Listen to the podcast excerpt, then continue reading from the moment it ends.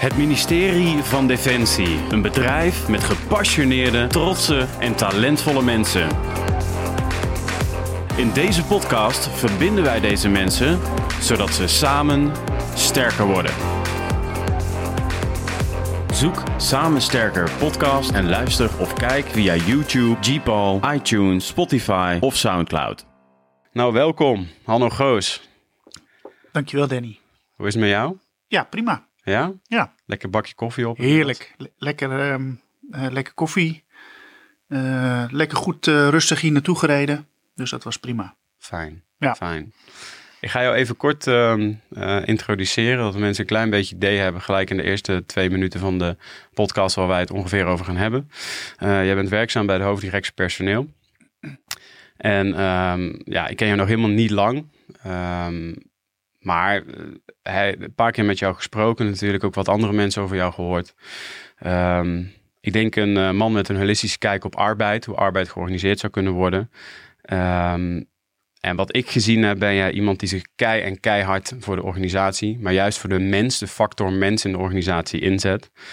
Eh, ik denk wel een echt mensenmens. Ehm, kalm, kom je op mij over. En dat is in ieder geval hoe je op mij overkomt. Dus bij deze.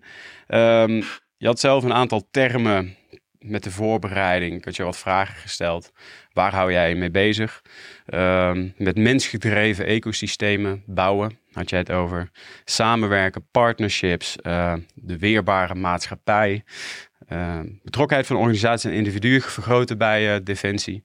Ehm, en werkplekken en uitdagingen bieden. Dat is even de introductie. Ehm, klopt dat een beetje? Ja, ik denk dat je dat in een paar mooie steekwoorden eh, eh, hebt gezegd. Ehm, nou, deze hele podcast, podcastreeks gaat natuurlijk over de adaptieve krijgsmacht. Ehm, en volgens mij eh, ben je al op nummer eh, 14 of 15 aangekomen, zoiets schat ik in. Nou, ben je nummer 14. ja. Nou, kijk, Klopt. dat is Heel mooi. goed. Ja. Goed. Nou ben ik 14 mei jarig. 14 is ook mijn geluksgetal, dus Kijk, dit moet goed gaan. dit hè? moet een mooi verhaal worden. Dat denk ik wel, dat denk ik wel, ja. Leuk. Nee, leuk. goed. En er was nog een heel groot voetballer hè, met nummer 14. Dus eh Kijk. Kan niet misgaan, toch? kan niet misgaan. Nee, nou, kijken of we hem mooi kunnen inkoppen. Zeker, joh. Ehm, ja, dus die, ik, ik steek maar van wal. Hè, Helemaal- kijken of ja. ik eh, eh, zeg maar de woorden die je gebruikt een, een plek kan geven. Mhm. Nou, de adaptieve krijgsmacht, daar is denk ik al heel veel over gezegd. Eh, hè, ook begrip als total force. Eh, in je voorgaande pos- podcasts heb je daar natuurlijk ook aandacht aan gegeven. Er zijn best wel wat interpretaties, denk ik, mogelijk hè, met, bij die termen. Ehm, nou, ik hou me maar gewoon even zoals we dat hebben opgeschreven in, eh, in de Kamerbrief van eh, begin 2017. Dat was ook voor mij de aanleiding om er eens wat meer over na te denken. Van ja, maar wat, wat is dat dan? Ehm, en dat viel eigenlijk eh, op het moment dat ik bij de hoofddirectie personeel aan de slag ging. Dat was zeg maar oktober eh, 2017. Daarvoor ben ik een eh, hele tijd werkzaam geweest bij de Marche C. Mhm. In eh, verschillende functies. De laatste functie was als hoofd PNO. Altijd in het HR-domein eh, gezeten, zowel bij de Marche C als bij de andere werkgevers waar ik werkzaam ben geweest. Ja, gepokt en gemazeld. Gepokt en gemazeld in het HR- of PNO-domein, zoals ze dat dan bij Defensie vooral willen noemen. Ja. Ik spreek liever over HR of HRM. Ja. Ehm, nou, ik, ik ben daar zeg maar mijn hele werkzame leven mee bezig. Ik heb, ik heb daar ook eh, eh, eh, studie, eh, ehm, mijn studierichtingen in gedaan.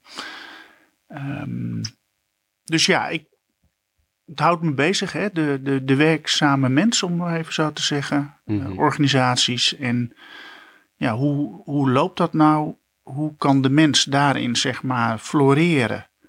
Ehm, nou, en excelleren, nou, dat vind ik altijd wel grote termen, hè? maar ik vind floreren vind ik altijd wel mooi. Mhm, mhm. Eh, hoe kan een mens die gewoon zijn boterham moet verdienen en waarvan de schoorsteen moet roken, nou ook met een beetje plezier dat zeg maar doen, Ja. zonder dat het altijd maar een moedje is. Ehm, en Komt dat dat, waar komt dat vandaan?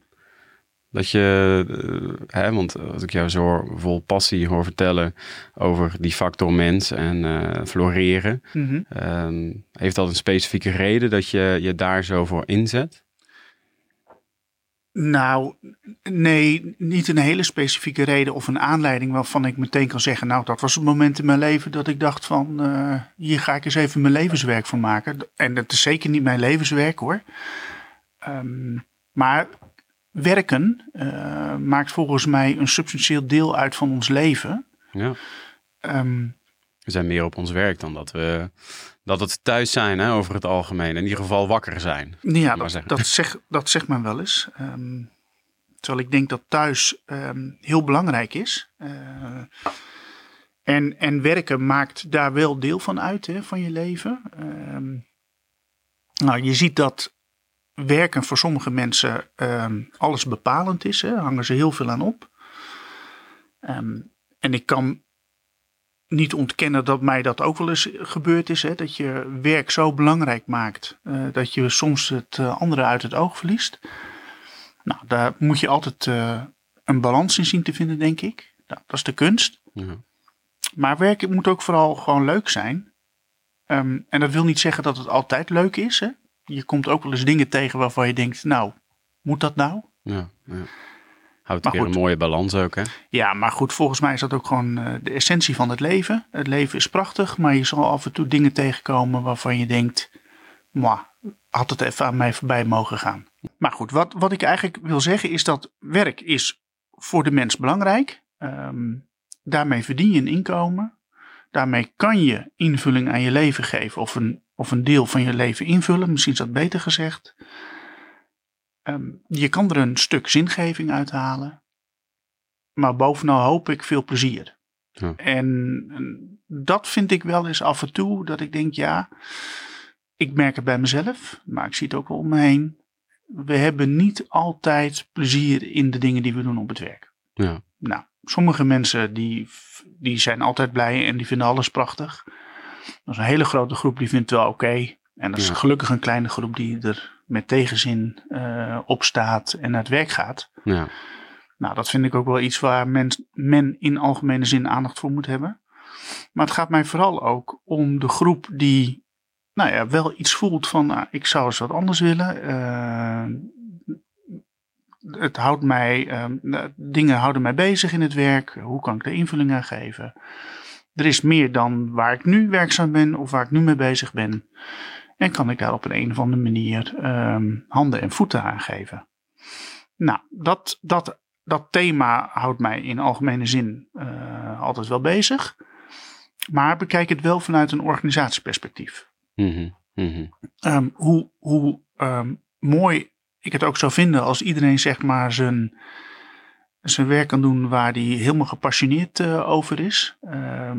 ja, nou, dat, dat gaat denk ik nooit altijd lukken. Ik hoop dat er veel passie te vinden is. En dat je het werk zo kan organiseren dat het ook leuk is. Maar ja, of het altijd op het juiste moment, zeg maar, gebeurt en plaatsvindt.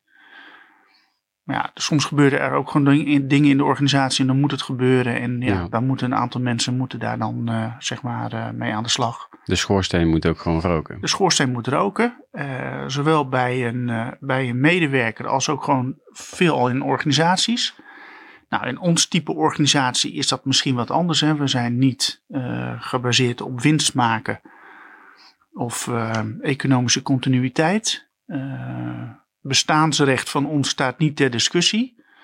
maar het zal heel vaak gaan over efficiëntie, helaas. Mm -hmm. um, van uh, ja, toch een beetje de kostenbaten. Mm -hmm. Mm -hmm. We zijn uh, een organisatie die draait op belastinggeld. Dat dienen we, dienen we te verantwoorden, et cetera. Nou, dat is wel een leidend principe bij ons in de organisatie, maar mag niet de bovenhand krijgen, wat mij betreft. Ja. Um, volgens mij gaat het om, als we het hebben over defensie en de krijgsmacht, um, dat we uiteindelijk er zijn om Nederland uh, veilig te houden. En een bijdrage te leveren aan de veiligheid in de wereld. En uiteindelijk gewoon beschermen wat ons dierbaar is. Hè. Dat vind ik nog steeds ja. een mooie slogan die we Absoluut. gebruiken. Absoluut, ja, heel duidelijk ook. Bijzonder duidelijk. Ik denk dat heel veel mensen, hopelijk althans, zich daar op zijn of haar eigen manier in kan vinden. Um, maar dat wil niet zeggen dat je je hele leven of werkzame leven bij Defensie moet uh, zitten. Ik denk dat het prachtig is vanuit een adaptieve krijgsmacht of een total force.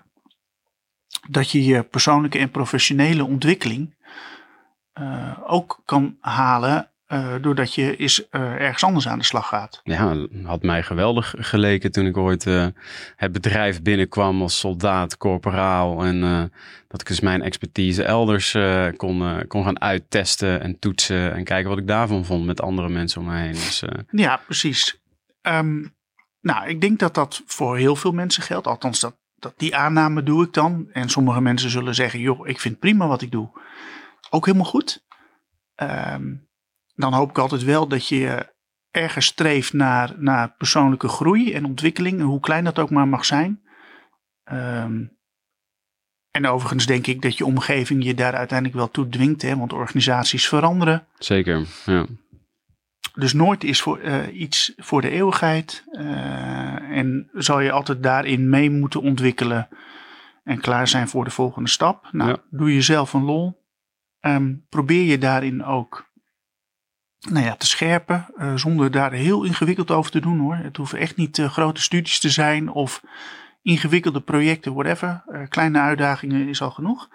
Maar anyhow, um, ik denk dat het interessant is voor mensen om af en toe eens andere dingen te doen in een andere context, in een andere omgeving. En dat kan natuurlijk ook gewoon in de private sector zijn. Hoeft niet altijd in de publieke sector. Ook prima natuurlijk. Maar ik denk dat een verandering van omgeving en context mm bijdraagt aan je persoonlijke en hopelijk ook professionele ontwikkeling. Kijk, Hoe klein dat ook mag zijn. Dat is nog nou, eens een introductie. Dat is nog eens een introductie. Misschien een lange introductie? Nou, nee, nee, nee, helemaal niet. Ik vond het eigenlijk wel uh, heel veel aanknopingspunten ook. Uh, hè, want uh, een van de vragen die ik had natuurlijk, jij bent deze filosofie, ehm, daar ben je mee bezig gegaan. en dat noem je dan een HR-ecosysteem. Ja. dat is gelijk een hele grote sprong die ik maak. Maar zo'n HR-ecosysteem, um, eigenlijk heb je al grote aspecten daar nu uit uh, uitgepakt. Mm -hmm. uh, waarom is dat zo goed voor de organisatie? Een organisatie als Defensie, mm -hmm. uitwisseling en dergelijke. Je zegt al, de, voor de ene uh, zal het wel gelden, voor de ander zal het niet gelden. Hoe ziet zo'n ecosysteem waar jij je nu al wat jaren mee bezighoudt, hoe, hoe ziet dat er idealiter uit? Wat is jouw droom? Waar wil je heen? Nou, het mooiste zou zijn wat mij betreft dat er een verzameling van organisaties is. En hoe groot die verzameling is, doet er eigenlijk niet zo heel veel toe. Dat moet wel een su substantieel aantal zijn. Ik denk dat drie te weinig is. Mm -hmm. um, nou, we hebben nu een kleine 50 uh, organisaties in het ecosysteem zitten. Waarvan er nu 10 en de 11 dus in de maak al echt een overeenkomst mee hebben om die uitwisseling uh, uit te testen. Ja, ik denk dat het onbegrensd is, het aantal organisaties, uh, wat mij betreft. Iedereen mag en kan meedoen. Het is een open platform. Um, het enige criterium dat we eigenlijk hanteren om, zeg maar, te kunnen participeren in het ecosysteem, is dat je de algemene doelstelling die we gezamenlijk hebben opgesteld in een gezamenlijke verklaring, en dat noemen we dan de gemeenschappelijke verklaring, mm -hmm. dat je die onderschrijft. En eigenlijk zeggen we daar twee dingen in. Eén, je levert een bijdrage aan een veilig Nederland. En daarmee feitelijk aan de kerndoelstelling die wij ook als Defensie hebben. Ja. En tegelijkertijd gaan we de gezamenlijke uitdaging aan om de uitdagingen die we allemaal ervaren op onze eigen manier als organisatie op de arbeidsmarkt. En in arbeid in algemene zin. Dat we die vanuit een gemeenschappelijkheid en gezamenlijkheid proberen op te pakken. Heb je daar een paar voorbeelden van? Van die uitdagingen? Ja. Uh, je noemt ook wel perspectieven. Um, heb je daar een paar voorbeelden van hoe dat eruit uh, zou kunnen zien? Ja, dan ga ik toch een beetje terug naar de begindagen in 2017. Uh, want we hadden die Kamerbrief over de adaptieve krijgsmacht of Total Force. Um, tegelijkertijd was er een actieplan behoud en werving van de, in de zomer 2017. Want toen zagen we al natuurlijk dat uh, het aantal vacatures binnen Defensie enorm aan het oplopen was. Uh, daar moest een antwoord op komen. Hmm. Er werden allerlei maatregelen getroffen uh, en op papier gezet om te kijken van hoe kunnen we de vulling van Defensie weer op orde brengen. En tegelijkertijd zaten we toen al ehm, op het hoogtepunt zeg maar, van de arbeidsmarkt. Nou, dat liep daarna nog natuurlijk nog een stukje op, hè, om even zo te zeggen. Een hele krappe arbeidsmarkt. Uh, de concurrentieslag die was volop gaande. En die werd overigens alleen nog maar heviger in 2018, 2019. Mm -hmm. Zeker, ja. Um, dus die begonnen die elementen aan elkaar te verbinden. Van ja, we willen als organisatie ons eigenlijk op een andere manier organiseren in de voorstopbouw. Nou, dan kom je in uh, termen als flexibele schillen. Nou, dat soort begrippen. Ja. Tegelijkertijd wil je voor je vaste bestand en vulling zoek je mensen en grote aantallen tekort. Toen spraken we nog over 6.500 vacatures. Nu lopen we al richting de 9.500 vacatures. In de laatste rapportage aan de Kamer zie je dat ook terugkomen. En tegelijkertijd zagen we dus die krapte op de arbeidsmarkt, concurrentieslagen, et cetera. Nou, toen begonnen we wat filosofieën aan elkaar te verbinden van, goh, hoe zouden we nou van concurreren naar samenwerken kunnen gaan op die arbeidsmarkt en in arbeidsvraagstukken. Tegelijkertijd in ons achterhoofd ook kijken van ja, en wat is dan zeg maar het voordeel voor Defensie? Namelijk het verbinden van mensen aan onze, onze organisatie en daarmee een deel van het vullingsprobleem aanpakken. Mhm. En dit is niet het antwoord hè, op het vullingsprobleem. Dat Ja. moeten we langs heel veel lijnen gaan oplopen. We moeten ook gewoon door met eh, de reguliere vulling. Eh, ehm, maar tegelijkertijd moeten we dus ook nadenken over op een andere manier eh, capaciteiten aan je verbinden. Heb je het dan ook over, ehm, ik weet niet of jullie daar al mee bezig zijn geweest, maar toen ik bij het CLSK werkte, misschien als, eh, als voorbeeld, zag je dat heel veel eh, vliegers, ehm, die hadden een bre- brevet gehaald, hooguit een paar jaar bij het ministerie van Defensie gewerkt en die kregen toen eh, bij een luchtvaartmaatschappij, eh, kregen ze eigenlijk eh, veel meer eh, salariering, dat zag er gewoon positiever uit voor ze. Mhm. En zij vertrokken dus. Ja. Eh, is dat zo'n voorbeeld wat je... Dat met- is zo'n voorbeeld. Kijk, want als je puur eh, moet concurreren op salaris, en zeker in dit soort beroepsgroepen, ehm, gingen we toen althans afleggen. Ja. Nu is het tij gekeerd hè, door externe factoren die we niet eh, voorzagen toen. Ja, inderdaad. Dat is een dingetje nu. Ja, Ja. dus voor sommige beroepsgroepen zie je dat in één keer 180 graden Ja, omslaan. dat is een goede inderdaad. Ja. Ja. dus dat is iets eh, waar we nu ook in één keer mee geconfronteerd worden. Weer die Van- context, hè? Precies. verandert, Ja, dus die context die verandert voortdurend, eh, of je het nou wil of niet. Ehm, en, ehm, maar goed, wij dachten dus vanuit hoe kan je nou vanuit eh, concurreren naar samenwerken gaan. Want je merkte eigenlijk ook wel dat heel veel organisaties daar toch ook wel ja, tegen hun grenzen aanliepen. Hè? Van ja, we kunnen concurreren tot een ons wegen. En nu ga ik toch een beetje een Engelse term gebruiken. Die ik wel eens, het wordt dan een beetje race to the bottom. Hè? Degene met de grootste zak met geld of het langste uithoudingsvermogen Ja, gaat het dan winnen. Die Ja. wint de strijd. Ja. Nou, ehm, daarmee gaan we volgens mij niet een beter Nederland maken. Ehm, om het even zo te zeggen. Dus we gingen toch kijken van hoe kunnen we organisaties mobiliseren. Om enerzijds onze bedrijfs- of organisatiedoelstellingen aan elkaar te verbinden en te koppelen. Te kijken of we daar gemeenschappelijkheden in vinden. Tegelijkertijd kijken of je medewerkers eh, uitdagingen kan bieden. En eh, vanuit onze gedachte, kijk, wij kunnen niet altijd concurreren op arbeidsvoorwaarden of het salaris. Maar we hebben wel wat te bieden. We hebben prachtig werk. We hebben zingevend werk. eh, bijzonder interessant werk. Soms uniek werk. Absoluut. absoluut. Ehm, ja. Ik bedoel, er is maar één organisatie als Defensie. Dat wil niet zeggen dat we niet dingen doen die ergens anders ook niet gebeuren. Maar over het algemeen kun je zeggen, de context waarin het gebeurt is uniek. Ehm, en dat kan voor heel veel mensen interessant zijn. Al is het maar om eens te ervaren hoe het is. Om eens tijdelijk bij ons aan de slag te gaan. Met die ervaring weer terug te keren naar de organisatie waar ze werkzaam zijn. En ehm, daar weer eh, het eigen voordeel eh, uithalen, maar ook natuurlijk het voordeel voor de organisatie Mhm. waar we de persoon een tijdje van hebben geleend. ja, ja. Nou, en zo proberen we, en dat zingevingsvraagstuk, dat zag je wel als een rode draad bij al die organisaties terugkomen van ja, eh, mooi retention, zingeving, behoud. ja, ja. Ehm, het behoudvraagstuk, en dat was ook de titel van de eerste nota. Dat doen we hè, bij Defensie, schrijven we nota's. Als we goede ideeën hebben, gaan we dat op een stuk papier zetten. ja, ja, ja. Dat heet dan een nota. En daarmee denken we dat de dingen geregeld zijn. Nou, was het maar zo. Hè? Dat, Ja, dat is moet er nog wat gebeuren. Er moet er nog wat gebeuren. Maar de, de titel van de eerste nota was ook eh, het, H- het HR-ecosysteem als behoudmaatregel. We koppelden, koppelden het toen nog best wel sterk aan het actieplan behoud en werving. Dus de personele vulling. Waar halen we capaciteit vandaan? Dat was nou eigenlijk best wel heel egoïstisch gedacht. En vrij snel kwamen we al tot de, ehm, tot, tot inkeer van ja, maar je kan het wel heel erg vanuit jezelf blijven redeneren als organisatie. Maar wil je van concurreren naar samenwerken, dan zou die wederkerigheid moeten opzoeken. Dus dan zou je ook moeten verdiepen in de uitdagingen die andere organisaties hebben. Ja, want terwijl je zat te praten, ik, dat is precies wat ik dacht. Want ik denk, je kijkt eigenlijk op het moment dat je aan het strijden bent, ehm, kijk je eigenlijk met oogkleppen op. Dan is, je, dan is je blik vernauwd, zou je kunnen zeggen. Op het moment dat je meer vanuit twee kanten gaat. En je zou bijna kunnen zeggen, eh, eh, sorry als ik deze term eh, gebruik, niet zo bedoeld.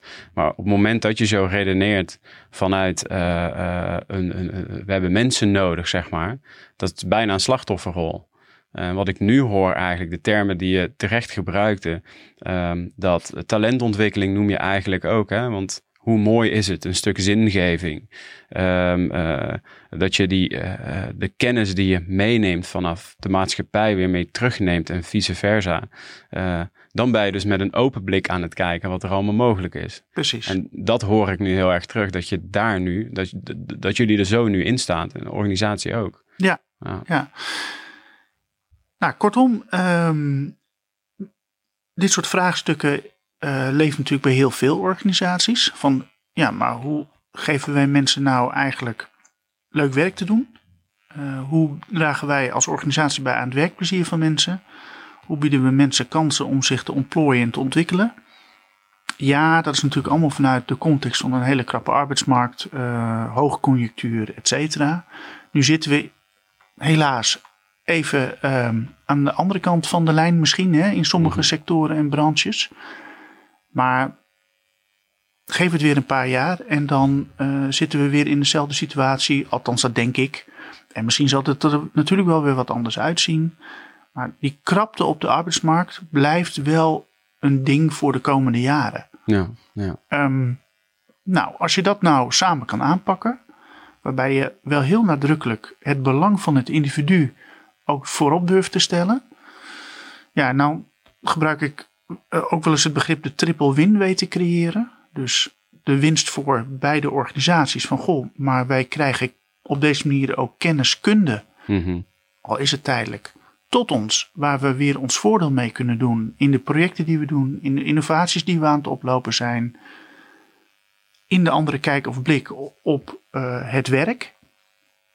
Ehm, nou, dat, dat geldt voor eh, de deelnemende organisaties, maar vooral ook voor het individu. Mhm. Ehm, ja, we hebben dat nou meestal toch wel, dat die, die kennis is vaak verenigd in een mens, hè, in een medewerker. Ja. Nou, hoe mooi is het dat die, die zijn, eh, zijn kennis en competenties zeg maar kan delen eh, in, in meerdere organisaties en contexten. Nou, En dat is een een- beetje het idee. Een spontane eh, gedachte hè, die er bij mij opkomt. Ehm, eigenlijk, eigenlijk het is een beetje een stapelvraag, realiseer ik me. Maar ehm, A, waarom nu, op dit moment? Waarom, eh, waarom kon dit 20 of 30 jaar geleden niet? Ehm, en dan is gelijk, dan vul ik een beetje in dat het ook met een generatieperspectief heeft te maken. Want de generatie I en Z zijn heel erg op zoek naar autonomie. Stellen heel veel de waarom-vraag. Ze kunnen alles opzoeken. En zingeving is ontzettend belangrijk. Zijn dat redenen of zijn er nog meer redenen waarom we pas, hier, pas nu hiermee aan de slag gaan? Want er zijn volgens mij andere landen die dit al veel langer op deze manier doen. Of klopt dat niet helemaal? Ja, nou weet je, het, het thema eh, waar we het nu over hebben is natuurlijk een thema van al decennia oud. Kijk, zolang als ik zeg maar eh, met HR bezig ben, is het zingevingsvraagstuk, motivatievraagstukken, eh, is altijd een issue geweest. Maar misschien zaten we nog wel in een tijd dat we het ehm, ja, wel erg vanuit de, het, transactionele misschien benaderden. Eh, de organisatie bepaalde, Ja. de medewerker ehm, moest zich er maar in vinden. En als het hem of haar niet beviel, nou, veel succes. Eh, Voor jou tien anderen. Bij wijze van. Bij wijze van. Ja. Nou, dat is natuurlijk wel veranderd. Uh, de kijk op werk is ook veranderd. Zeker met de komst van de nieuwe generaties waar je net aan refereert. Kijk toch wat op een andere manier naar arbeid. Uh, en hoe ze hun leven invullen. Mm, dat zijn natuurlijk wel allemaal aanleidingen waar je rekening mee gaat houden. Van ja, maar hoe gaan we dan nog de jongere generaties uh, zeg maar verbinden aan onze organisatie? En dat is natuurlijk het vraagstuk wat alle organisaties bezighoudt. Ja. Daarmee wil ik niet zeggen dat de, de, oudere, de oudere generaties er niet toe doen. Hè, want die, ik geloof net zo hard dat uh, uh, de boomers, nou die gaan er nu zo'n beetje wel uit, hè, maar de generatie X, maar ook de generatie Y, hè, um, wel degelijk ook bezig zijn met zelfontplooiing, um, ontwikkeling. Ja. En het ook bijzonder interessant vinden om eens een keer ergens anders iets te gaan doen of op te steken. Ja. Of gewoon een bijdrage te leveren. Um, aan iets waarvan ze zeggen, nou dat, dat vind ik super gaaf om te doen. En we zijn ook heel makkelijk om mensen in hokjes te plaatsen. Ja. Maar er zijn genoeg mensen die van een bepaalde generatie zijn ontzettend jong van geest.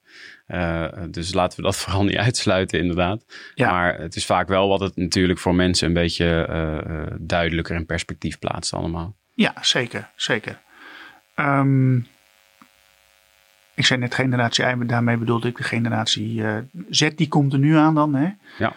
Um, ja, dat, dat, dat maakt wel dat je toch ook wel even moet kijken van... Ja, hoe zitten die in, uh, ja, in de wedstrijd? Maar hoe kijken die eigenlijk tegen werken aan?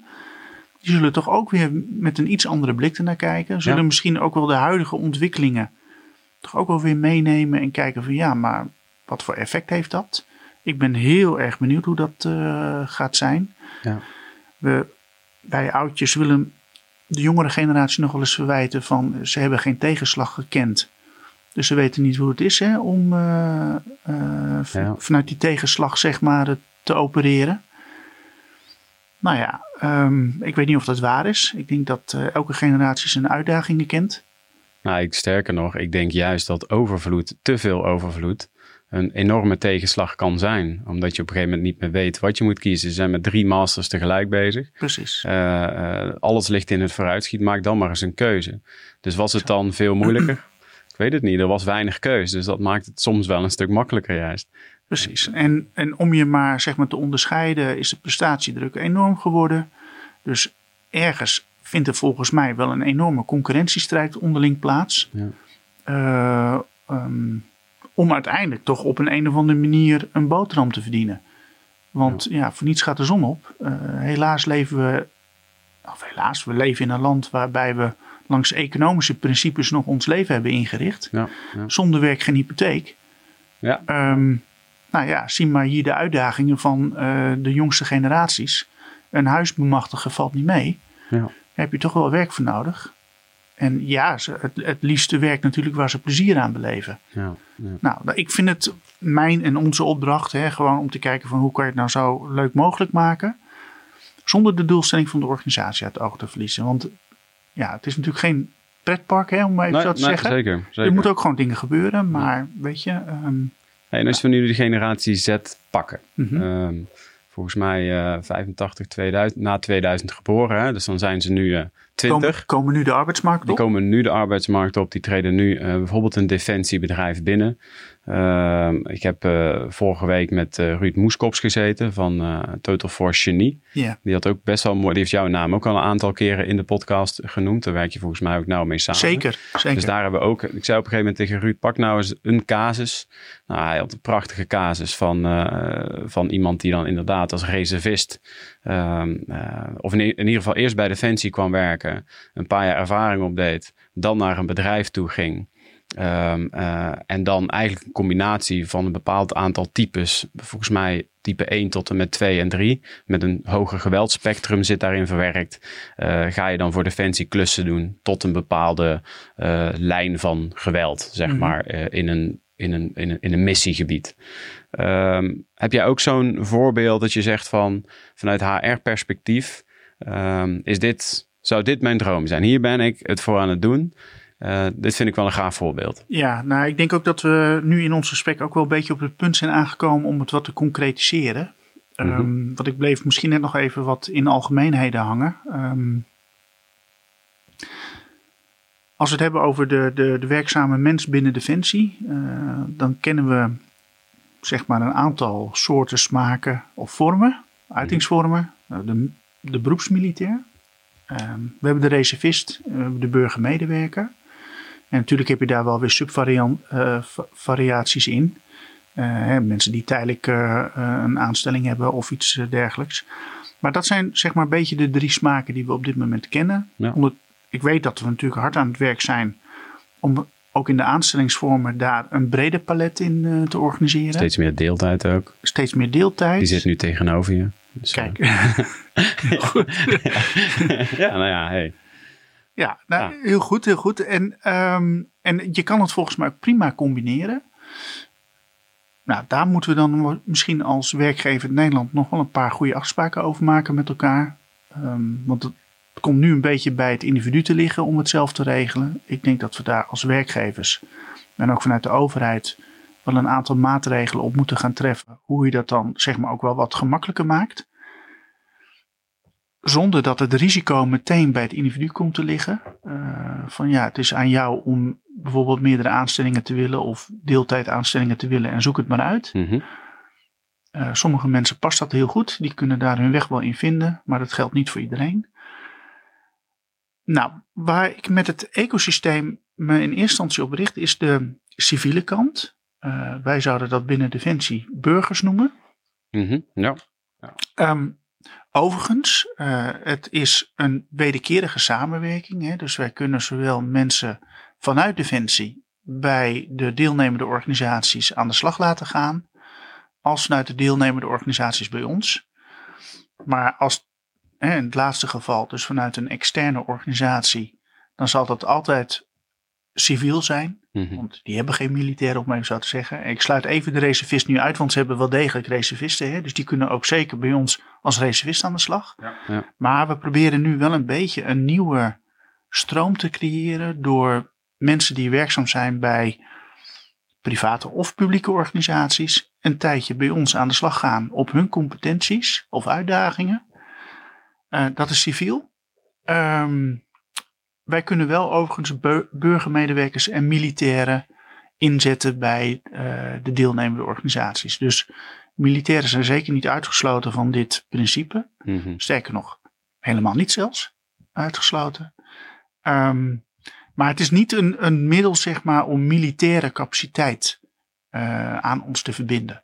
Ja. Uh, daarvoor hebben we reservisten. Je ziet overigens wel in de gesprekken met de organisaties die in het ecosysteem zitten, uh, dat um, reservistenbeleid, uh, dat sommige organisaties daar wel echt serieus over nadenken. Mm -hmm. Van nou, we, we, weten dat we reservisten hebben. Het tweede uh, punt wat dan vrij snel naar voren komt, is als je gaat stellen, weet je wie jouw reservisten zijn?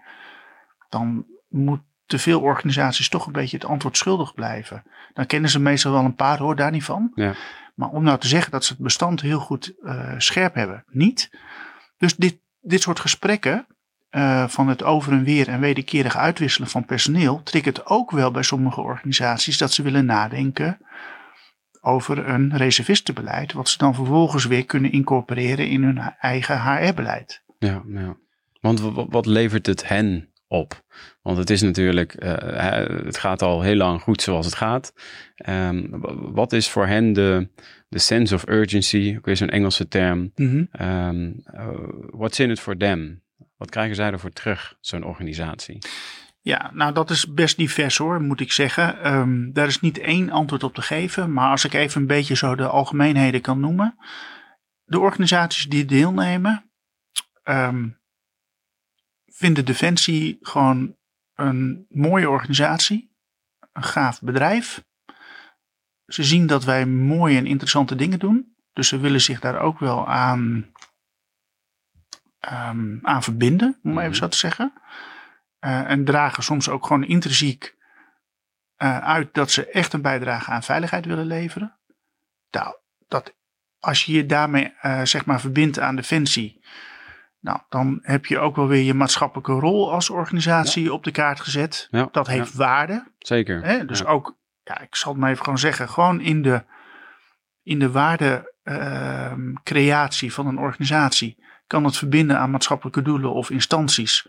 Ehm, kan gewoon waarde hebben en daar is niks mis mee. Nee, nee. Ik denk dat dat heel mooi is als organisaties dat willen doen. Nou, dan vind ik het mooi dat ze voor Defensie kiezen. Naast het feit dat ze misschien ook nog voor andere type maatschappelijke doelen kiezen. Ehm, maar zich verbinden aan veiligheid en zich daarmee dus eigenlijk vanuit hun eigen operationeel product of dienst of werk ook zien van ja, maar wij kunnen ook echt een factor zijn in dat hele veiligheidsverhaal. Mhm. En er zijn tal van voorbeelden te noemen in de praktijk. Ik ga geen bedrijfsnamen noemen, maar die leveren gewoon al een uh, bijdrage. Uh, al is het maar een kleine schakel in, dat hele veiligheids, uh, in die hele veiligheidsketen. Nou, dat je zeg maar zo je eigen bedrijfsdoelstelling en eigenlijk je operationele producten als bedrijf kan verbinden aan de kerndoelstelling van Defensie. Ja. Dat is natuurlijk fantastisch, Ja, want, schaaf, schaaf, want ja. daarmee ga je dingen op elkaar uitlijnen. En dan ga je ook met elkaar leren en zien van hey, hoe kunnen we elkaar helpen te verbeteren. Waar we ieder afzonderlijk mee bezig zijn. Ja.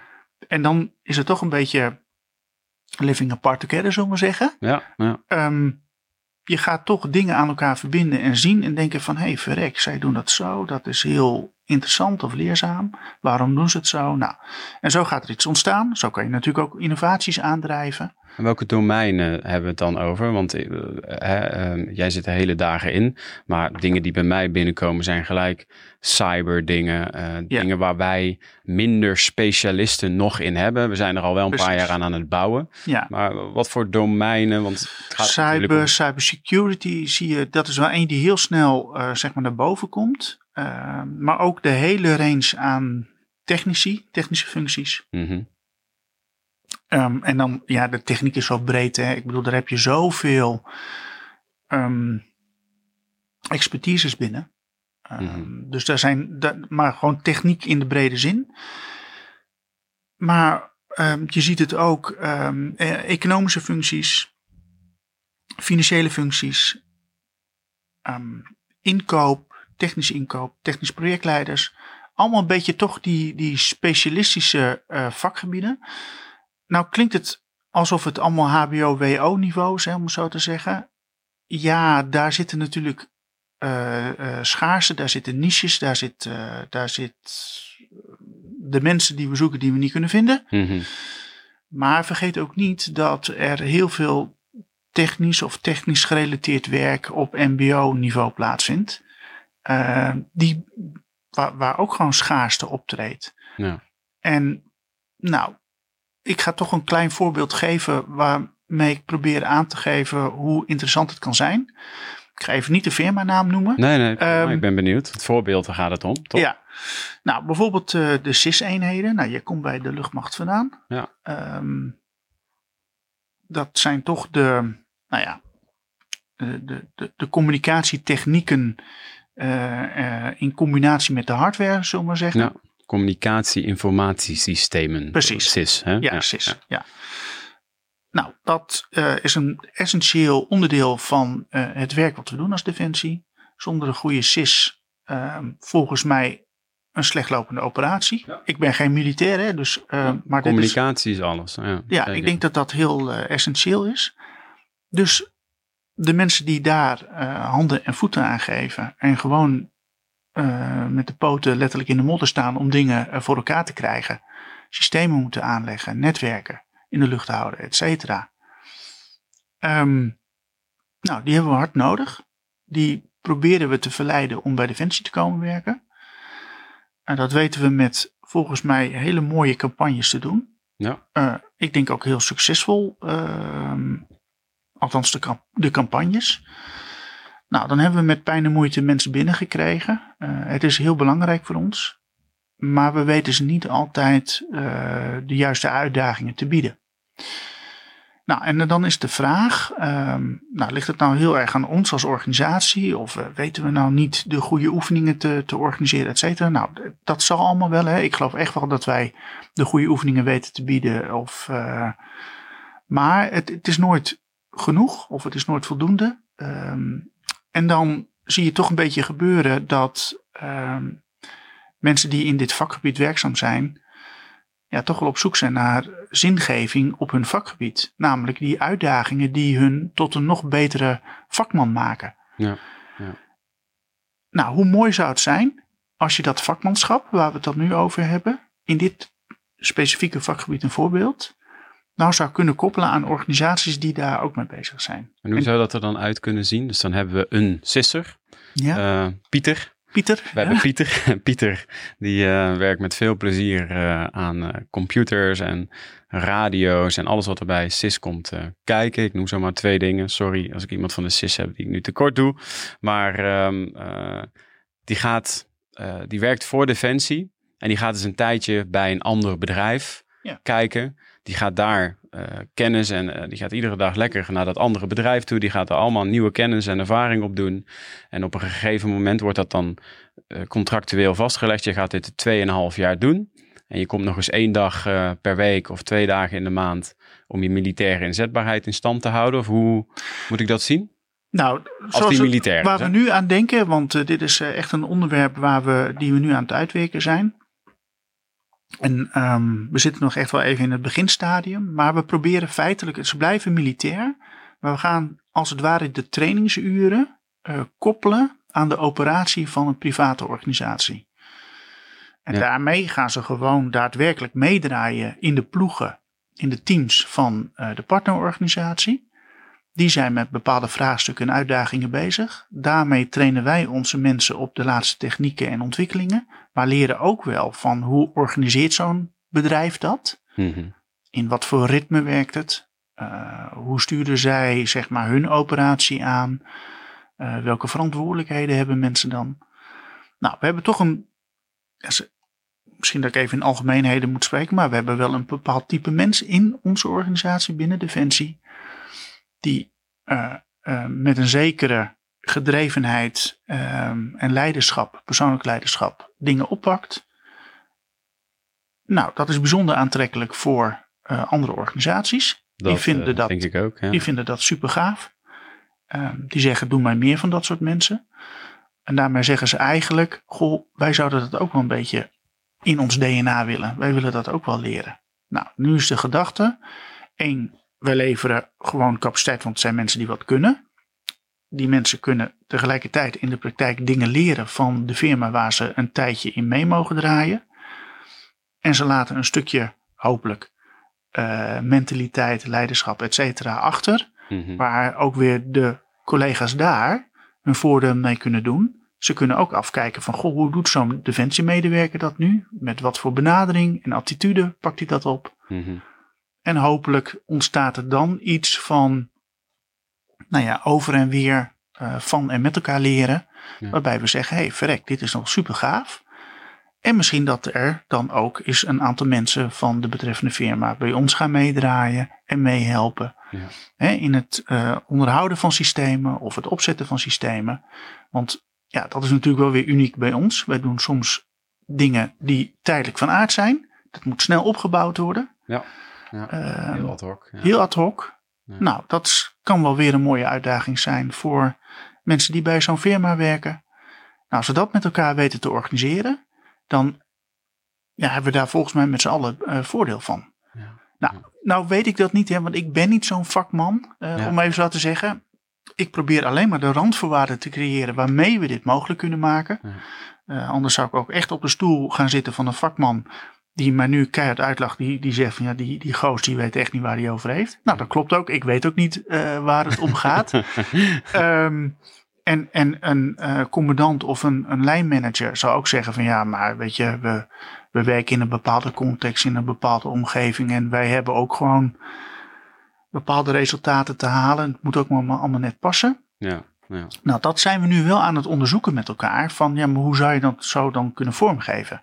Nou, en vanuit HR, hè, de HDP, maar met de HDP gewoon een groot aantal andere mensen in de organisaties.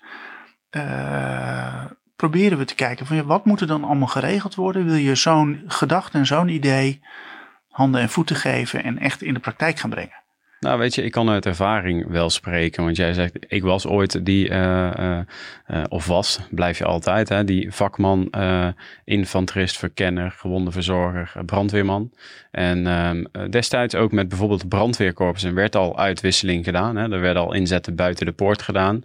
In een, in een samenwerkingsverband met een grote oefening. Hè, dus, dus dat zijn, zijn denk ik al goede voorbeelden. Ik denk ook um, dat er in het verleden ook zorgpersoneel um, al ging oefenen op eerste hulp posten en dergelijke om hun uh, currency up-to-date te houden. En ik moet toch zeggen, uh, ik werd daar wel altijd heel vrolijk van om eens een keertje buiten de poorten te kijken. Toen waren het nog geen structurele um, arbeidsverbanden, om het zo maar te zeggen, waar mm -hmm. ik nu over hoor praten. Um, maar ik had daar in die tijd, misschien al tien jaar geleden, al heel veel behoefte aan. Maar toen kon het eigenlijk nog niet. Toen dacht ik, ah, ik wil, ik wil gewoon nu eens een keertje in een ander bedrijf, een paar dagen in de week. Uh, maar dat gaat er dus aankomen, langzaam. Langzaamaan gaat dat eraan komen. Kijk, ik werk bij een beleidsdirectie binnen de bestuurstaf. Uh, ja, wij schrijven stukken papier en proberen daarmee uh, iets te creëren. Um, en tegelijkertijd, uh, zeker in dit project of in dit programma, proberen we daar ook handen en voeten aan te geven en de praktijk echt bij te betrekken. Nou, dat is overigens een ontwikkeling die je volgens mij al een, best wel een tijdje uh, ziet gebeuren binnen Defensie in brede zin. Die praktijk erbij betrekken, die werkvloer erbij betrekken, um, de defensielocaties uh, daar ook echt wel een rol in geven. Dat zie je ook nu in het nieuwe HR-model. Zo proberen we steeds meer op locatie vanuit de daar levende behoeften te opereren. Nou, als wij beleid hebben en we schrijven mooie brieven, nee, we schrijven mooie brieven aan de Kamer en we proberen daar zeg maar beleid over af te spreken, dan vind ik het een uitdaging persoonlijk om te kijken hoe je daar ook echt praktische invulling aan kan geven. Ja. Want vanuit theorie dingen beredeneren en kloppend maken, nou, dat is op zich al een kunst hoor, als je dat kan. Uh, maar om, om het vervolgens ook tot uitvoering te krijgen, ja, dat is toch ook wel weer een hele mooie uitdaging. Ja, ja. En uh, ja, persoonlijk vind ik dat altijd wel interessant om te kijken van ja, hoe kan je nou vanuit de, het oord, het idee, de visie die erbij is gaan ontstaan, de theorie die misschien al wel redelijk klopt, en tegelijkertijd in de praktijk gaan onderzoeken van hoe kan het nog beter, anders, handiger. Mm -hmm. Nou, in die fase zitten we. Um, want we hebben best nog wel wat uitdagingen zeg maar, aan de theoretische kant. Ja, dus vanuit de kaders waaruit we opereren. Uh, en tegelijkertijd moeten we ook kijken van ja, zijn nou al die ideeën die wij nu met elkaar hebben ontwikkeld. Hè? En dat bedoel, dat zijn we niet alleen vanuit Defensie, maar ook vanuit de deelnemende organisaties. Ja. Krijgen we dat passend? Klopt het? Uh, en ik heb wel eens uh, gezegd van nou ja, weet je, is het nou een waanidee of een waanzinnig idee? om maar zo te zeggen. Ja, nou, een waanidee is het niet en dat vinden mensen ook niet.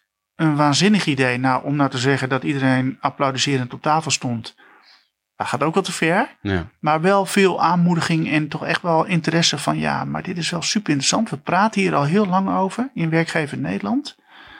Uh, maar Defensie pakt het nu wel op en probeert er ook echt ja, in de praktijk te, uh, te brengen. Um, publiek-private samenwerking, hè, dat hoor ik wel eens voorbij komen. Uh, ja, dat is al best wel een tijd gaande. Maar ja, wa wat is dat dan? En past het ook in een dergelijke filosofie die we nu zeg maar hier op tafel bespreken of aan ja. tafel bespreken? Ja. Nou, we lopen daar best wel tegen wat uitdagingen aan, maar die kun je volgens mij alleen maar scherp krijgen als je het in de praktijk gaat onderzoeken. Is het ook geen kwestie gewoon van gewoon volhouden? Want uh, hè, daar hadden we in het begin al over, vanuit evolutionair perspectief. Mensen willen per definitie niet veranderen. Als je, als je weet, iedere dag, ik ga zo laat mijn bed uit, mijn bakje koffie, die collega's die zie ik vandaag. Dat, is, dat vinden we allemaal als mensen prettig.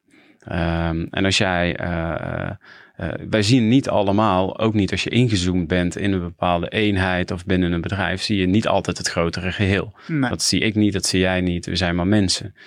Um, um, ik denk, weet je, een cultuurverandering. Ze zeggen wel eens echt een cultuurverandering, want daar heb je het ook wel een beetje over. Uh, duurt gemiddeld 10 tot 15 jaar. Maar het klimaat kun je wel beïnvloeden. Uh, zeg ik wel eens. Ja.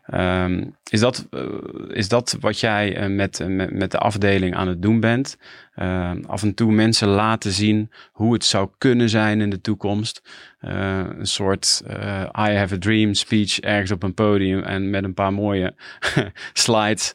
Dat je zegt van guys, dit zou het kunnen zijn. Hoe doe je dat?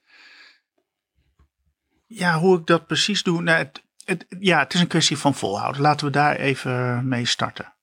Um, want ik wist heel eerlijk gezegd ook natuurlijk niet waar ik aan begon. Ik had wel ideeën.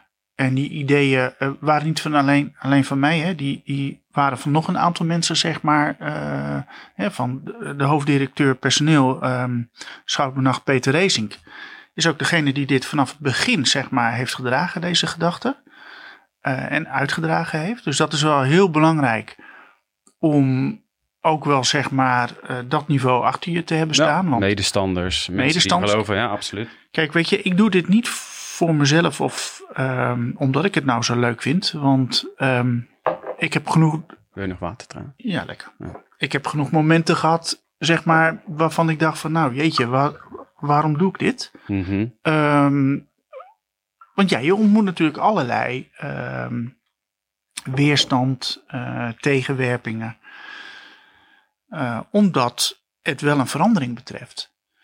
En je loopt dan tegen dingen aan waar je misschien op dat moment ook nog niet helemaal bij stil stond en wist. Um, en er is, een, er is een hoop voor mij, uh, zeg maar, zijn, er is voor mij een hoop duidelijk geworden. En ik heb ook dingen geleerd waarvan ik het bestaan niet wist, om maar even zo te zeggen, of al vermoeden had, maar nou, heb ik toch even met de neus op de feiten gedrukt. Ja van ja, weet je, um, je, je kan dit nu allemaal zo willen, maar Defensie heeft ook echt wel rekening te houden met een aantal uitgangspunten waar nu voor gekozen is.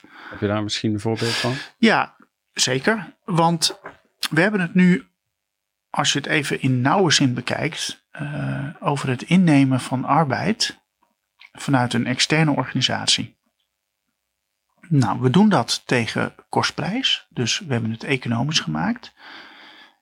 En waarom hebben we dat gedaan? Omdat, en het gaat om natuurlijk een wederkerige samenwerking waar ik het over heb. Dus vanuit eenzelfde uitgangspunt opereren. Als wij mensen uitlenen um, aan een organisatie, en of het nou publiek of privaat is, dan moet dat tegen de, zoals het mooi heet, een integrale kostprijs. Ja, ja.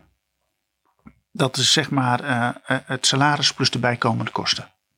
Dat moeten wij in rekening brengen en dan moet BTW over betaald worden. Dan zou het toch wel heel gek zijn als je dat natuurlijk ook niet met aan de andere organisatie vraagt. Of um, in ieder geval dat uitgangspunt als, uh, um, als vertrekpunt neemt. Want je wil het eigenlijk tegen elkaar wegstrepen, zou ik ja. bleu misschien zo ja. bedenken. Ja. Ja, hou dat nog maar even vast, ja, heel goed, uh, heel die goed. gedachte. Um, dus wij dienen uh, een rekening uh, te vragen voor de mensen die wij elders inzetten. Nou, zo zou dat natuurlijk dan ook voor de andere organisatie gelden. Dat als wij mensen tijdelijk uh, hier bij ons de, bij Defensie aan de slag laten gaan, dat daar ook gewoon een rekening voor betaald wordt. Ja. Dat willen we tegen kostprijs doen, dus niet tegen commerciële tarieven. Hè, dus niet tegen de tarieven die je misschien kent vanuit een inhuurperspectief. Mm -hmm. Maar het kader waarbinnen we opereren is wel eentje vanuit een inhuurkader. Dat is nou eenmaal zo, zeg maar, binnen Defensie georganiseerd. Nou, dat is niet leuk, omdat je uh, dit eigenlijk vanuit een werkgeversperspectief en een werknemersperspectief benadert. Hè? Hier kan je toch niet op tegen zijn, zou je dan zeggen. Ja, ja, ja, um, en hoe gaaf en hoe leuk is het? En hoe uh, waardevol is het wel niet? Nou, dat is allemaal waar natuurlijk en dat ontkent ook niemand. Maar omdat we zeg maar er een euro tegen aanzetten, uh, en daar hebben we allerlei aanwijzingen voor en wetten die daar natuurlijk uh, dat voorschrijven, maakt dat, um, omdat het economisch is geworden, er een duidelijke stroming binnen Defensie is die zegt, daarmee ben je aan het inkopen. Nou, en als je het vanuit dat perspectief dan benadert, dat betekent dat uh, je dan ook kan beargumenteren dat je dit soort zaken moet aanbesteden.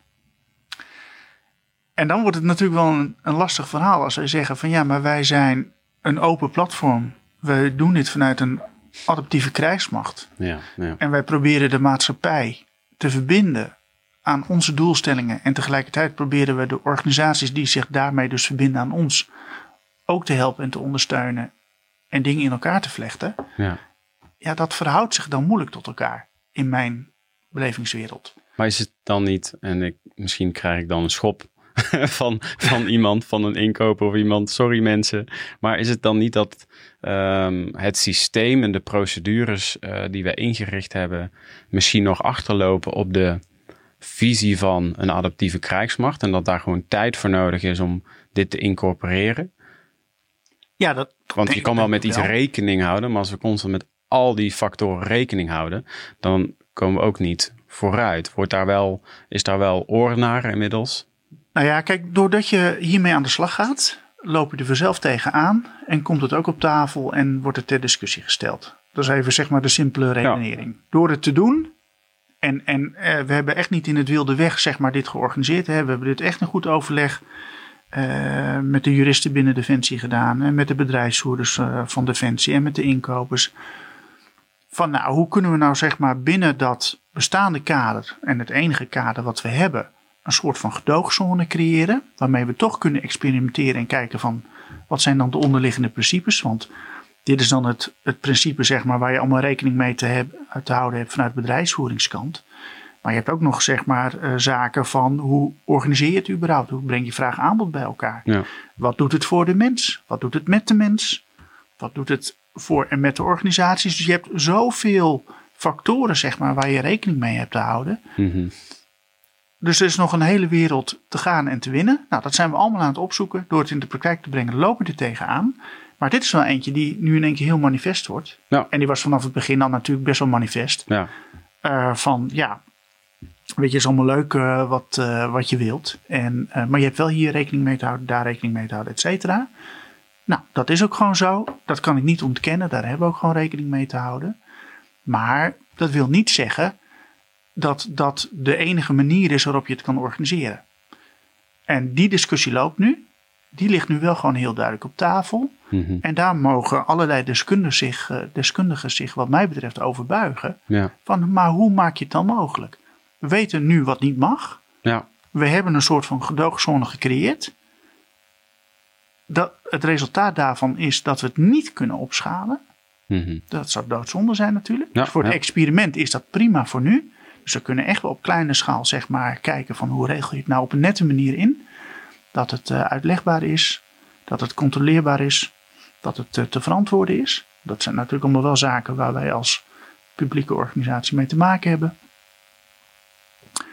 Ehm, maar we willen ook wel opschalen. Dus we willen het niet bij eh, NS2 of NS3, dus eh, met een eh, drie Mhm. of vier mensen zeg maar per organisatie doen.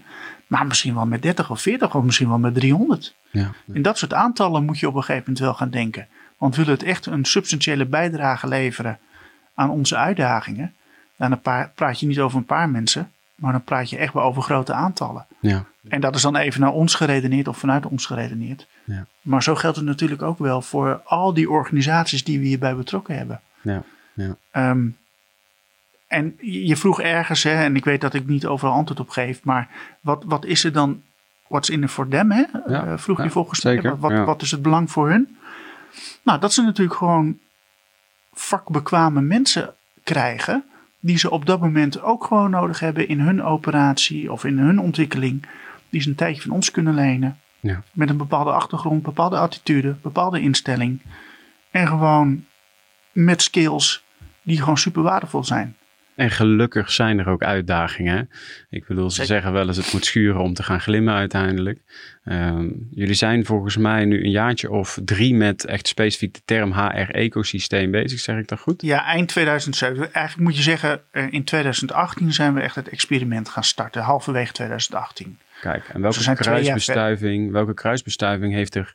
Uh, ik had bijvoorbeeld een Ruud Moeskops, heb ik net al gezegd in, de, uh, in het verhaal met Total Force Genie. die is allerlei mooie dingen aan het doen. Er vinden ook al succesvolle uitwisselingen en dergelijke plaats. Die had het ook al over jou.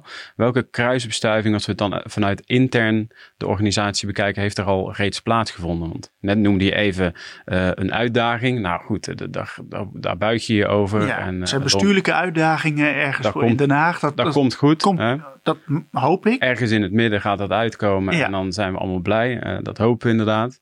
Uh, maar welke kruisbestuiving um, heeft er zoal plaatsgevonden in de organisatie waar je eigenlijk ook wel een beetje trots op bent? Dat je denkt, kijk, dat is waar ik het voor doe. Ja. Uh, voor de organisatie. Ja, nou, ik vind die, dat voorbeeld van de CIS, die is, die is echt in de maak.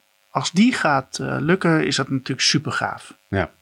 dan hebben we iets gecreëerd voor een mooie, voor best wel een aanzienlijke groep.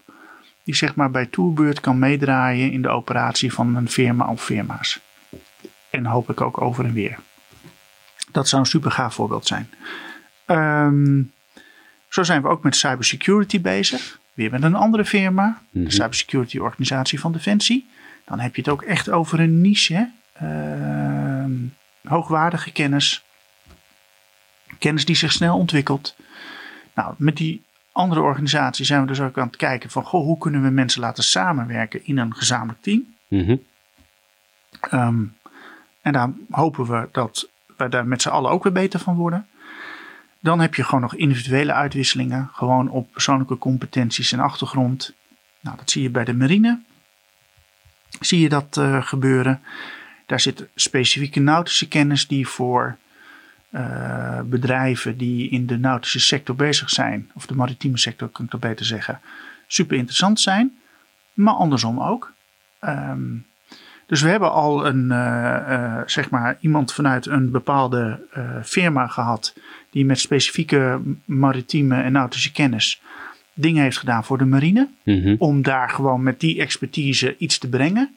Nou, dat was een kortstondige uitwisseling. Uh, maar wel super gaaf. Ja. Want die heeft daar wat gebracht. Die heeft wat toegevoegd ja. aan het marinebedrijf. Ja, soms wordt er ook een zaadje geplant uh, en dan uh, komt er over een half jaar of een jaar een bloem uit. Dat is ook prima. Hè? Precies. Nou, het is niet allemaal roze geur en maneschijn. Soms mislukken ook dingen. want we zouden iemand vanuit de marine een tijdje bij een, een firma plaatsen. Um, in de maritieme sector. Dat is helaas niet doorgegaan, omdat er toch wel wat risico's aan vast zaten. Waarvan men dacht, ja, het is niet handig in de fase waarin we nu zitten. Mm -hmm. Bepaalde tenders die lopen. Nou, daar moeten we dan ook gewoon uh, maar respecteren dat het zo is. Ik ben er natuurlijk niet blij mee. Ik ben er, niet happy mee vanuit mijn perspectief. Maar nogmaals, ik doe het niet voor mezelf. We doen het voor Defensie. Ja. Uh, en nou ja, als het soms even niet kan, dan is dat zo. En dan hebben we daar dan ook maar even gewoon rekening mee te houden. Balen voor ons. Ja. Maar ja, het is nou eenmaal zo. En dus er zullen ook dingen gewoon echt mislukken. Ja. Um, nou, we hebben een hele leuke gehad. En volgens mij heb ik je dat op een slide laten zien. We hadden bij uh, de hoofddirectie bedrijfsvoering. zochten ze een junior. Uh, die een, een junior adviseur noem ik het maar even, die zou meedraaien in een heel specifiek project. Het, eh, het verbeteren van eh, de inhuurketen. Mm um, en daarmee uh, doe ik geen recht, denk ik, aan de inhoud van het project. Uh, maar die hebben we dus bij de tien organisaties die nu een e-, overeenkomst hebben, of waar we nagenoeg een overeenkomst mee afsluiten, uh, hebben we eigenlijk de uitvraag gedaan van dit vragen wij. Mhm. Deze kon niet via de reguliere vulling opgelopen worden. Uh, daar was het zeg maar te specifiek en te kortstondig voor. Inhuur was ook geen optie, want daar hebben ze al twee keer op uitgevraagd. Dat lukte ook niet. En toen hebben ze onze vraag van, goh, zou je eens bij die tien organisaties kunnen vragen of er mensen zijn die dit kunnen willen en het ook interessant vinden vanuit hun ontwikkeling ja. uh, om hierin te participeren.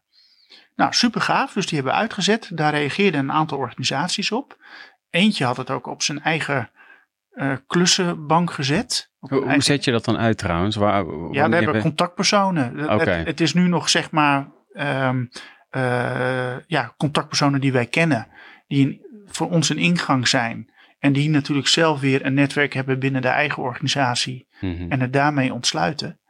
En dan ook wel een beetje het, eh, ehm, ja, het proces begeleiden en het voor elkaar proberen te krijgen. Want ook de deelnemende organisaties zijn er natuurlijk bij gebaat dat dit soort principes van de grond gaan komen. Ja. Dus het is niet alleen dat wij heel hard moeten werken. En dan doen we dat van nature, denk ik. Ehm, als, als Defensie, we proberen daar echt wel weer, eh, zeg maar, eh, eh, vaart achter te zetten. Ja, ja. Nou, we zullen ook die andere organisaties mee moeten nemen. En dat gelukkig gebeurt dat dan ook. In dit voorbeeld. Ja. Dat eh, de, de betreffende organisatie het op zijn eigen vacaturebank zeg maar, heeft uitgezet. Ja. Eh, Vrij als- unieke vacature, denk ik, voor, eh, ja, voor heel veel mensen. superleuk. Ja. Dus dat zag je ook in één keer in het voorbeeld van de screenshots die ik kreeg. Dat het een prominente plek had gekregen met een contactpersoon. Die contactpersoon die had weer een directe ingang bij ons. Dus we konden zo heel snel zeg maar de match bewerkstelligen. Is dat dan zo'n momentje dat je eventjes denkt, yes, Ja, dat is wel super gaaf, omdat het dan echt zichtbaar wordt. Ja, je ziet het dan precies. en je denkt je van, ah, verrek, dit is wel super gaaf. En ook gaaf, want we hadden het er niet om gevraagd. Hè? Het was een eigen initiatief. Ja. Ehm, misschien pech voor hun, ze zijn het niet geworden. Eh. Want een andere organisatie kwam met een beter aanbod. Ja. Wat gewoon beter op de eh, opdracht paste. Ja, ja. Maakte wel dat in de slipstream van het gesprek er een gesprek op gang kwam om te kijken of we die collega vanuit die andere firma die het niet werd, eh, toch te kijken of we die op een, een of andere manier konden faciliteren. Nou, Ja. dat was in de tijd niet meer mogelijk. Eh, maar goed, weet je, dan zijn er wel weer gesprekken. Eh, het werd enorm gewaardeerd. Dus dat was over en weer, denk ik, gewoon prima om het op deze manier te doen. Vanuit de warme relatie, zou ik maar even zeggen. Mhm. Ja, en dat is gewoon, gewoon super gaaf. Bij de HDBV werkt nu iemand mee vanuit een firma. En die doet daar, eh, of doet daar eh, haar ding. Eh superleuk. Ja. Dus dat zijn van die voorbeelden waarvan ik denk, ja, zo kan het. Ja, Je kunt leuk. alleen nog niet opschalen. Dat is dan nog het enige punt. Ja. Maar geen klein punt. Ja. En zo zien we wel die, die eerste voorbeelden komen. Want wat is de wens? Ehm, hè, zulke dingen, dat zijn grootse dingen. Dat, dat, dat, dat, dat, beslaat gewoon best wel wat jaren. Ja. Maar wat zou de wens zijn dat die eh, ultieme uitwisseling van personeel, ehm, wat zou een, een datum, hebben jullie in je hoofd gezegd van in 2030, dan willen we deze droom volledig verwezenlijken? Of is dat moeilijk om te zeggen nog? Nou ja, wat mij betreft nog iets eerder. Maar nou, ik denk ik wil je niet in een Nee. andere... Nee, maar ik, kijk, ik zou het persoonlijk wel heel gaaf vinden dat medewerkers in staat worden gesteld om hun competentie in te zetten bij meerdere organisaties. Daarmee hebben ze wel gewoon een, ehm, een thuishaven, dus dat is gewoon de organisatie waar ze in dienst zijn. Eh, daar wordt het salaris ook betaald. Maar ze kunnen zeg maar rolerend over organisaties heen ingezet worden. Nou, ik weet niet of het heel realistisch is, maar dat is wel een beetje de idee. Mhm. En natuurlijk kun je dan zeggen van ja, maar mhm, misschien moet je daar dan een andere construct onder zetten of een andere constructie onder zetten. Dat komt dan wel. Laten we eerst maar eens kijken of we het balletje eh, aan het rollen krijgen en op gang krijgen. En ik denk dat het voor mensen, maar ook voor organisaties, super gaaf is als zo'n mechanisme op gang gaat komen. Ja. En dan kom je natuurlijk in timingsvraagstukken en planningsvraagstukken. Ik bedoel, we komen allemaal ingewikkeldheden tegen. Absoluut. Ja. Dus dat geloof ik allemaal wel. En iedereen die gaat vertellen dat het heel ingewikkeld is en dat je ach en wee en allemaal beren en voetklemmen en angels, dat is ook allemaal zo. En die gaan we ook tegenkomen. Ja. Maar ja, goed, hoe gaaf is het om dat soort dingen eh, Zeker. eh, op te ruimen ehm, of ergens weg te stoppen en, en dingen te creëren. Kijk, ik had het net over die gedoogzone. Nou, in die gedoogzone, ik noem dat een olifantenpaadje. We hebben dat olifantenpaadje nu gecreëerd. De vraag is, gaat het van een olifantenpaadje misschien wel naar een mooi geasfalteerd fietspaadje, fietspad? Eh, en misschien wel naar een vierbaan snelweg. Ja. En ik hoop het, want daarmee ga je dus opschalen en ga je echt personeelstromen laten roleren. En kan je veel meer als organisatie in- en uitademen. Ja. En tuurlijk, we hebben gewoon een vaste kern en we hebben een vast bestand. Weet je, daar gaan we niet aan tornen. Maar soms heb je tijdelijk meer nodig. Soms heb je tijdelijk misschien wat minder nodig. Of kan je het uitlenen. Ja. Nou, en als we zo als Nederland kunnen opereren. Dat zou natuurlijk super gaaf zijn. Dat vind ik dan mooi, want dan denk ik, nou, dan hebben we toch ook iets gedaan aan de arbeidsmarkt, aan het arbeidsbestel in Nederland. En daar zal, zal niet iedereen het met me eens zijn. Nou, dat geeft ook allemaal niet. Daar staan we, sta ik open voor. En als er andere ideeën zijn, hartstikke goed.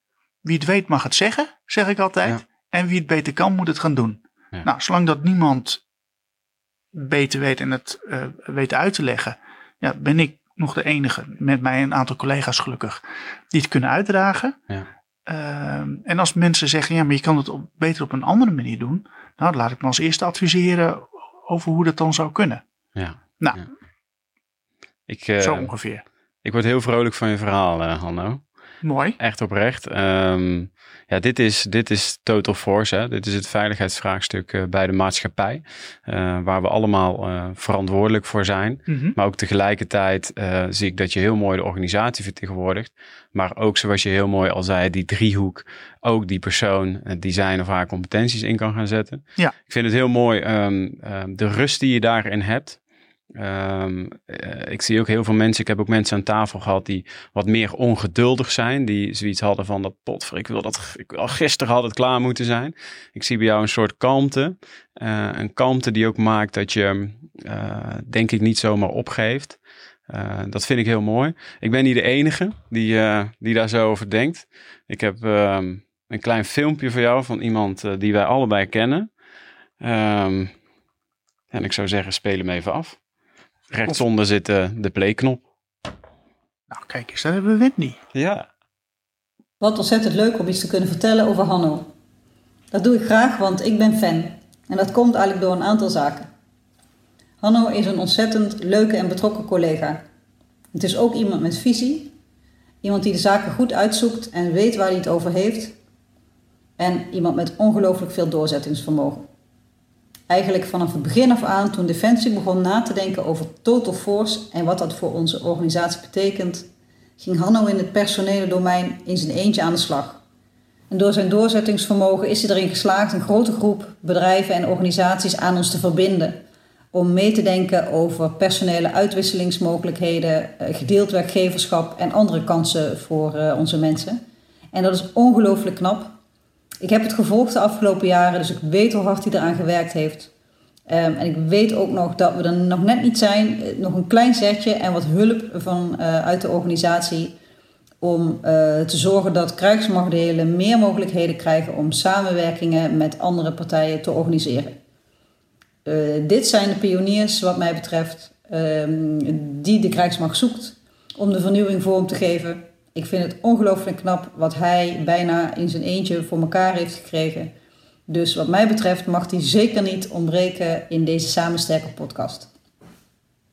Zo. Nou, Nou, hoppa. hoppa. Daar kan je het mee doen. Even hè? krachttermen van Wendy Kwak. Ja, zeker. Nou, hartstikke leuk. Su- Ja? Super gewaardeerd, eh, zo'n boodschap. Ja, toch? Ja, zeker. En het leuke aan Wendy is, hè, om eh, eh, daar maar even dan bij stil te staan, is dat ze dit soort dingen niet onder stoelen of banken steekt. Ehm, want ik heb haar ook wel eens uitgenodigd op bijeenkomsten met organisaties. En dan eh, kan ze het ook niet laten om zeg maar zich positief uit te laten over waar we mee bezig zijn. En dat ook zeg maar aan mij persoonlijk te adresseren. Dat kan soms wat ongemakkelijk voelen, maar het wordt natuurlijk, het, het is superleuk als iemand dat doet. Ja, absoluut. En het motiveert. En daarmee denk ik ook van, nou, weet je, ik en met mij nog een aantal mensen zijn wel gewoon op de goede weg. eh, hè, om, om zeg maar, nou ja, wat we voor ogen hebben en de droom die we hebben. ehm, om daar ook gewoon handen en voeten aan te geven en verder te brengen. Dus Mooie woorden, toch? ja, zeker. zeker. Leuk om te zien, Super gewaardeerd. Goed ja, zo. ja. Hey, nog een heel klein stukje over jou. Want Toch wel belangrijk om even het laatste eh, staartje van ons gesprek. Oh, eh, hè, ehm, wie ben jij? Eh, heb je nog hobby's, interesses? Op het moment je bent met al dat harde werken, zoals Wendy ook zegt, bezig. ja. Ontzettende doorzetten. Maar hoe laat jij, zoals we wel eens zeggen, af en toe eventjes die veer ontspannen? Wat, wat doe jij zoal? Nou, ten eerste, ehm, het is veel denkwerk, hè, eh, om even zo te zeggen, veel met je hoofd bezig. Ehm, er komt ook wel emotie bij kijken. Ja, je zegt je bent rustig, hè, dat, dat ben ik ook. Maar tegelijkertijd kan ik er ook wel zeg maar emotioneel onder zijn. Hè, en dat uitzicht dan in dat ik of een beetje narig word of uh, geïrriteerd raak. En dat kunnen mensen echt wel aan me zien. Uh, soms krijgt dat ook wel eens voor mijn gevoel dan wat de overhand. Dat vind ik vervelend, hè, want zo wil ik niet met mensen omgaan in algemene zin. Maar goed, je bent een mens, hè, dus het gebeurt wel eens. Gelukkig uh, sport ik veel. Mhm. Dus ik, uh, nou, nu is het wat minder in deze tijd, omdat ik gewoon niet naar de sportschool kan. Ik doe dat dan in een sportschool. Ja, ja. Dus ook gewoon even lekker fysiek bezig zijn. Ik probeer dat zo goed als mogelijk bij te houden. Dus ik dwing mijzelf om een aantal keren per week gewoon echt te sporten thuis. Ik ben geen hardloper, hè, dus dat, uh, je zal mij niet snel de hardloopschoenen aan zien doen. Nee. en kilometers zien maken, dat, dat, dus ik probeer dat toch een beetje op mijn eigen manier, wat ik in de sportschool doe, dan thuis ook uh, te organiseren. Even die endorfines aanspreken. Ja, dus fysiek bezig te zijn.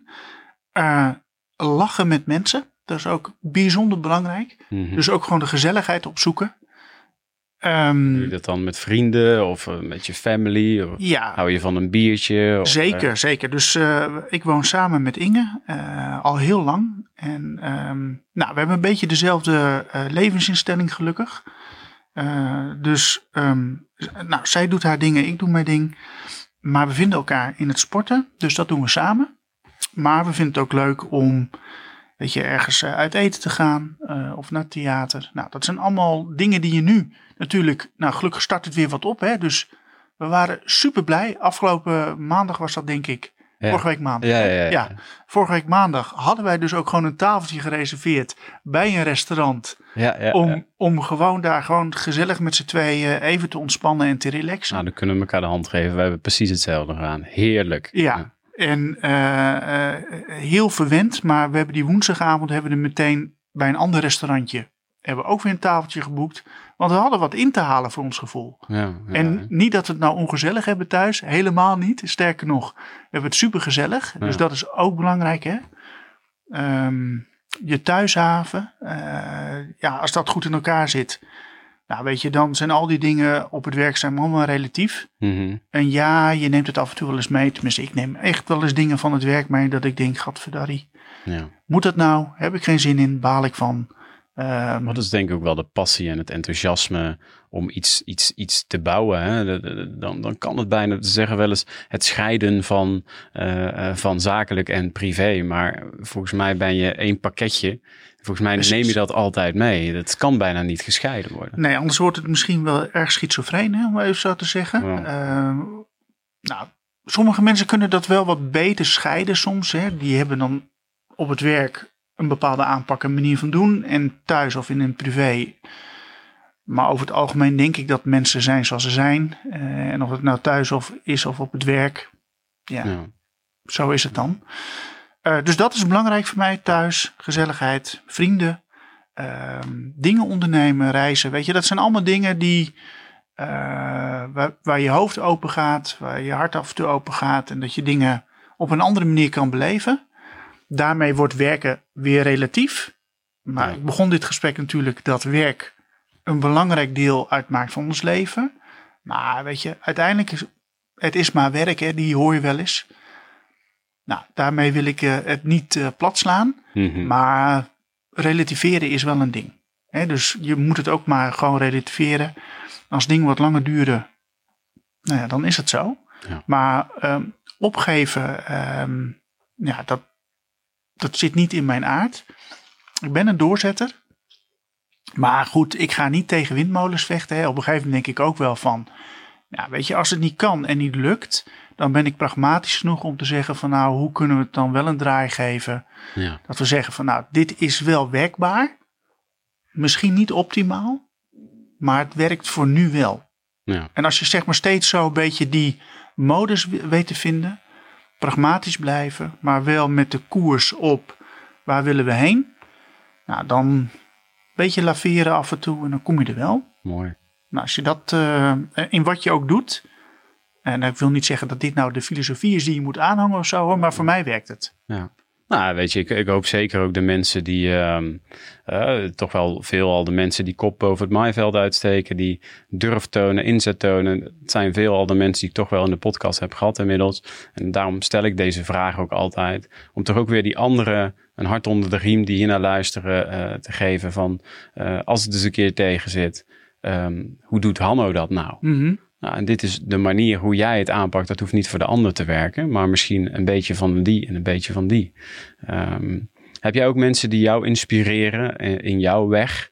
Dat je zegt van nou, dat zijn wel mensen. Je hoeft ze natuurlijk niet bij naam en toename als je dat niet prettig vindt. Maar als je zegt van nou, die heeft mij zoveel geleerd. Daar heb ik zo. Uh, ik zie je al nadenken. Ja, weet je, ik kan dat nooit aan, aan namen verbinden. Je ontmoet natuurlijk in je leven zoveel mensen. Um, die allemaal iets hebben, iets unieks.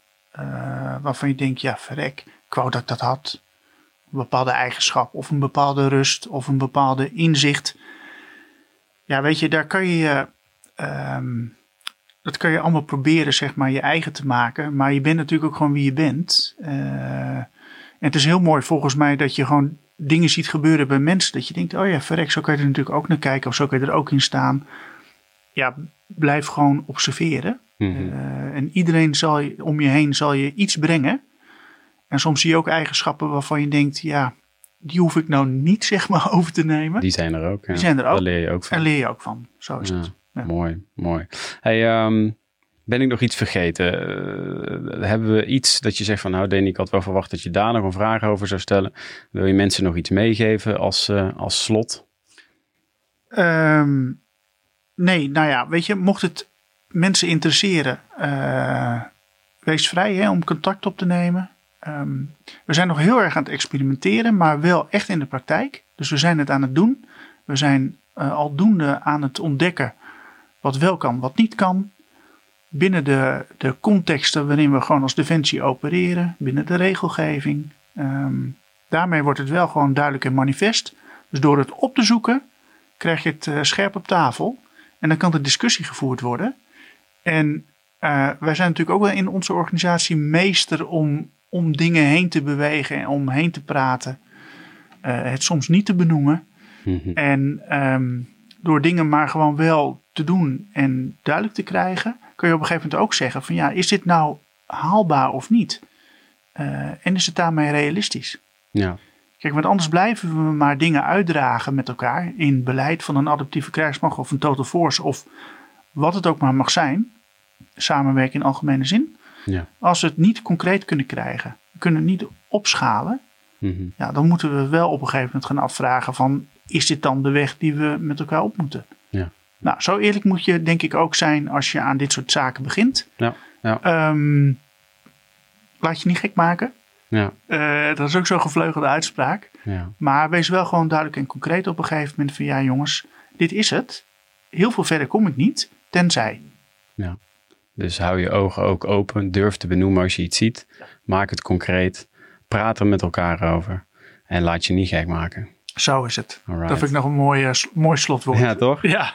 Hey, onwijs bedankt. Uh, nogmaals, ik vind het heel gaaf waar jullie mee bezig zijn. Ik zei al, was dat er tien jaar geleden maar al geweest toen ik op de werkvloer uh, stond, stond ik te popelen om daar iets mee te gaan doen. Ik wens het project, wens ik heel veel succes. Ik hoop dat jullie niet te, te veel weerstand aanlopen. maar ik zie dat er zoveel mooie kruisbestuiving al plaatsvindt en wat jullie al bereikt hebben. En ehm, ik wil je enorm bedanken voor deze podcast, Hanno. Nou, dank je voor de gelegenheid. Thanks. Yes. Oké. Okay. Zoek Samen Sterker podcast en luister of kijk via YouTube, Gpal, iTunes, Spotify of Soundcloud.